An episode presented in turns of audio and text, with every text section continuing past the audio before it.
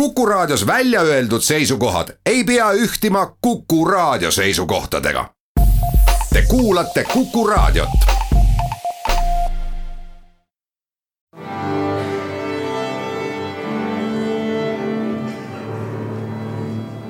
daamid ja härrad, Eesti Kontserdi saade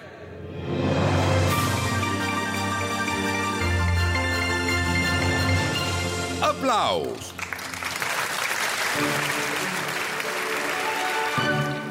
tere kõigile, aplaus on eetris, mina Lauri Aav Eesti Kontserdist selja taha on jäänud tõsine kontserdinädal. Läinud reedel oli ka päev, kus minu tagasihoidlike arvutuste kohaselt ja ka mälestuste põhjal oli vist esmakordselt hetk, mil Eesti erinevates linnades astus korraga üles kaks välisorkestrit. Mustonenfesti raames Novosibirski kammerorkester ning Tartus täiesti vaimustav Antwerpeni sümfooniaorkester koos veel vaimustavama dirigendi Elim Tšani ja solisti Alissara Ottiga see oli kontsert, mille üle oleks ka Tallinn uhke olnud, kuid seekord maandus Flandria esindusorkester tulevases kultuuripealinnas ei pea kogu aeg elu ainult Tallinnas käima. nii, ja tulevased kontserdid veebruarikuus tahaks teile kõigepealt rääkida Evelyn Glennist, müstilisest löökpillivõlurist. ma julgeks öelda, et klassikalise ja kaasaegse muusika valdkonnas ilmselt tuntuim löökpillimängijatest üle saja autasu, nende seas ka kaks Grammy't ja Polar Music Prize. maailmastaar, kes varemgi Eestis käinud päris ammu küll, kuid seekord saabub ta hoopis teistsuguse kavaga ja tema partneriks on Šoti eksperimentaalne džässtrio HLK. Richard Harold klaveril, Ant Loo kitarril ja Richard Kass trummidel pean ikka selle loo siia juurde ka ära rääkima, kuna Evelin ise seda ei häbene ja on sel teemal isegi raamatu kirjutanud.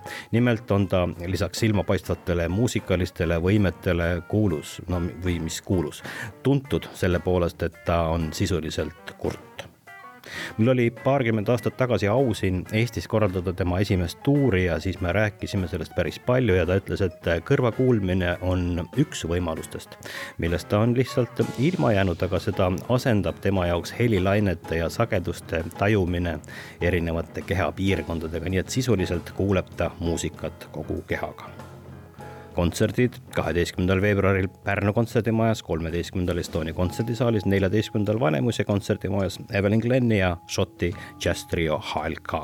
virtuoosne ja põnev ja täiesti eripärane saab see koostöö olema, seda ma usun küll üks äh, tore kammerkontsert sel nädalavahetusel. kontserdisari Armastuskirjad, mis on käesoleval hooajal erakordset menu nautinud, nii et me oleme isegi riielda saanud, et miks on nii head kontserdid Kadrioru lossis, kuhu ei mahu nii palju kuulajaid, kui soovijaid oleks. vastus on lihtne, et siis need ju lihtsalt poleks enam kammerkontserdid. seekordse kontserdi ja loo pealkirjaks on Chopin ja Georges Sand Chopini ja Sandi tormiline kirg lahvatas hoolimata nende vastandlikkusest. see suhe põimis ja rebis katki sidemeid ja südameid. Nende kirjad teineteisele ja oma sõpradele viivad meid hõõgvel tunnetest tulvil üheksateistkümnenda sajandi Prantsusmaale ja kirju loeb sel kontserdil Anu Lamp kontserdi peategelaseks on siiski pianist Irina Zaharenkova, minu isiklikul hinnangul üks silmapaistvamaid pianiste meie praeguses muusikaelus. laupäeval Kadrioru lossis ja kolmapäeval, üheksateistkümnendal veebruaril Vanemuise kontserdimajas ja siis äh, kontsert, millest tahaks rääkida, kohe väga tahaks rääkida, aga nagu väga ei sobi enam, kuigi uhke tunne on ikkagi kahekümne teisel veebruaril Jaapani Rahvusringhäälingu NHK sümfooniaorkester Tokyost. dirigendiks on Paavo Järvi ja solist on tšellist Solga Beta, keda me oleme ka mitmeid kordi varasemalt siia üritanud tuua, aga erinevatel põhjustel on see siiamaani natukene ebaõnnestunud, nüüd siis lõpuks.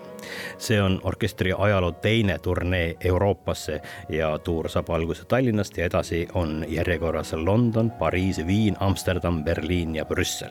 kavas Toru Takemitsu How Slow the Wind, Schumanni tšellokontsert ja Bruckneri seitsmes sümfoonia.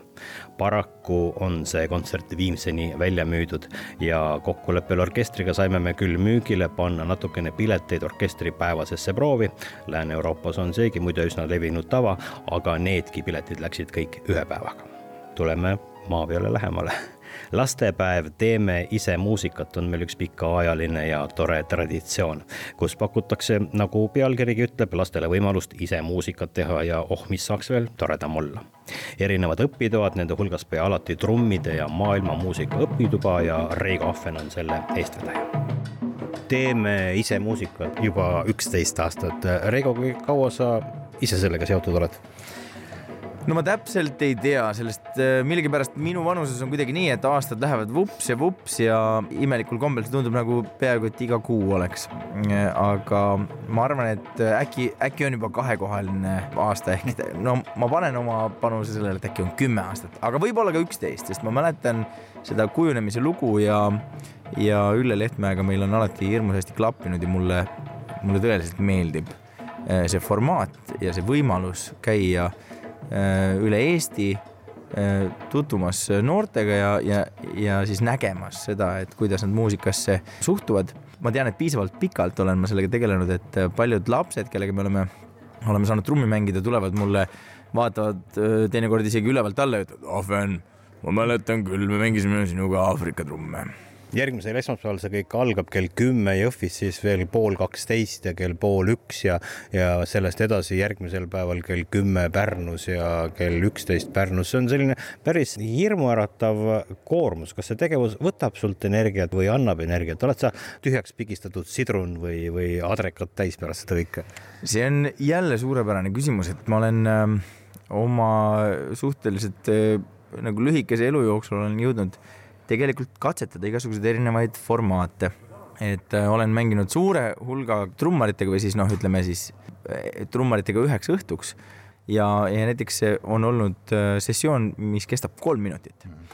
ja siis olen ma mänginud näiteks põhikooli noortega selliselt, et esimene tund hakkab kell kaheksa, millele eelneb transport et äh, nii sinna sihtkohta, näiteks Raplasse või kuskile ikkagi noh, natuke on vaja sõita ka. ja siis on kaheksa tundi järjest, kaheksa korda nelikümmend viis minutit.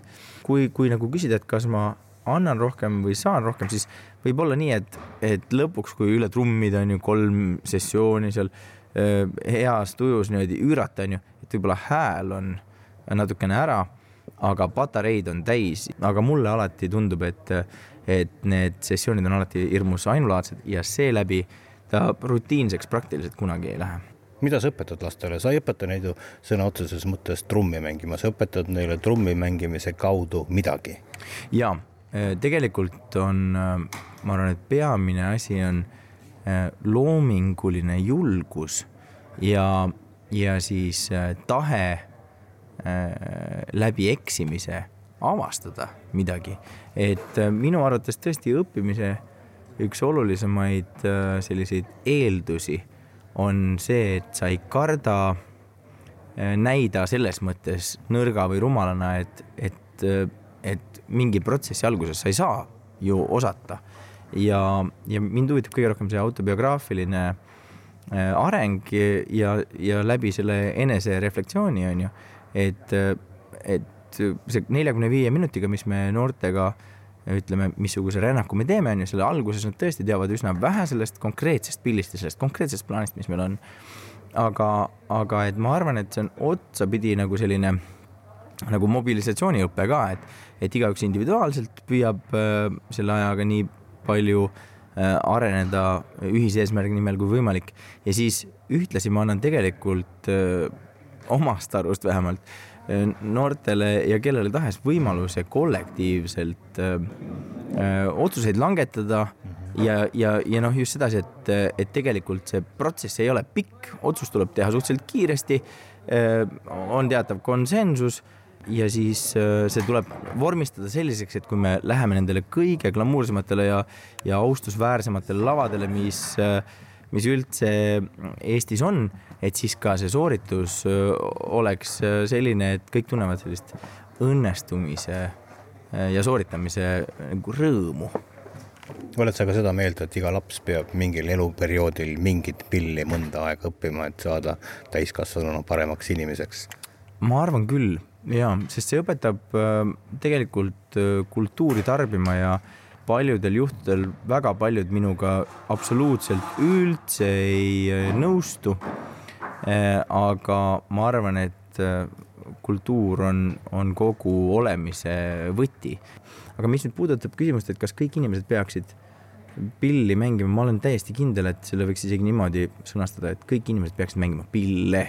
ehk et, et olles ühe pilliga nagu sellises äh, sügavamas suhtes, siis võib-olla saab sellest muusika olemusest noh, küllalt palju aru, aga ta on ikkagi nagu üks rakurss, aga kui, kui proovida mõnesse pilli puhuda ja mõnel pillil Äh, käega füüsiliselt äh, keeli panna võnkuma ja siis äh, võib-olla sellise haamerimehhanismiga läbi klaveri on ju, klavessiini või mida, mida keegi soovib ja siis kindlasti peaks igaüks proovima lüüa pulgataolise esemega mõnda membraani, mis hakkab niimoodi võnkuma ja tekitab sellist mõnusat trummi häält.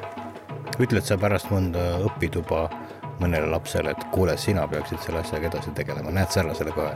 Ehm, no esiteks muidugi näeb, aga ma võib-olla siis lähen niimoodi, et nagu, et muusik on nagu mingisugune troopiline taim, et sa kunagi ei tea, millal ja kuidas ta õitsema hakkab. et äh, mitte ainult ma ei ütle, et keegi võiks sellega tegeleda, igast ühest võib saada absoluutselt tippinterpreet ja looja kui ta ainult avastab endas huvi selle vastu. et mu isa kunagi ütles, et, et ainukene, ainukene tõeline anne on äh, visadus, töökus ja ükskõik kui vähe neid eeldusi ka alguses ei ole, iga üksik inimene, iga indiviid, iga laps on nii põnev oma sisemaailmast, et kui, kui ta natukenegi suudab äh, mõne instrumendi valdamise viia tehniliselt nii kaugele, et ta natukenegi oma eh, iseloomu saab selle kaudu projitseerida, et siis kõikidest võib saada nagu suurepäraselt põnevaid muusikuid seitsmeteistkümnendal veebruaril Jõhvi kontserdimajas, kaheksateistkümnendal Pärnu kontserdimajas, siis edasi kuuendal märtsil Mustpeade majas, üheksandal Paide muusika- ja teatrimajas ja kümnendal märtsil Vanemuise kontserdimajas. sinna ei saa päris niisama kohale minna, ette oleks mõistlik ennast registreerida ja seda saab teha loomulikult Eesti Kontserdi koduleheküljel eestikontsert.ee. meie kohtume kahe nädala pärast, kõike head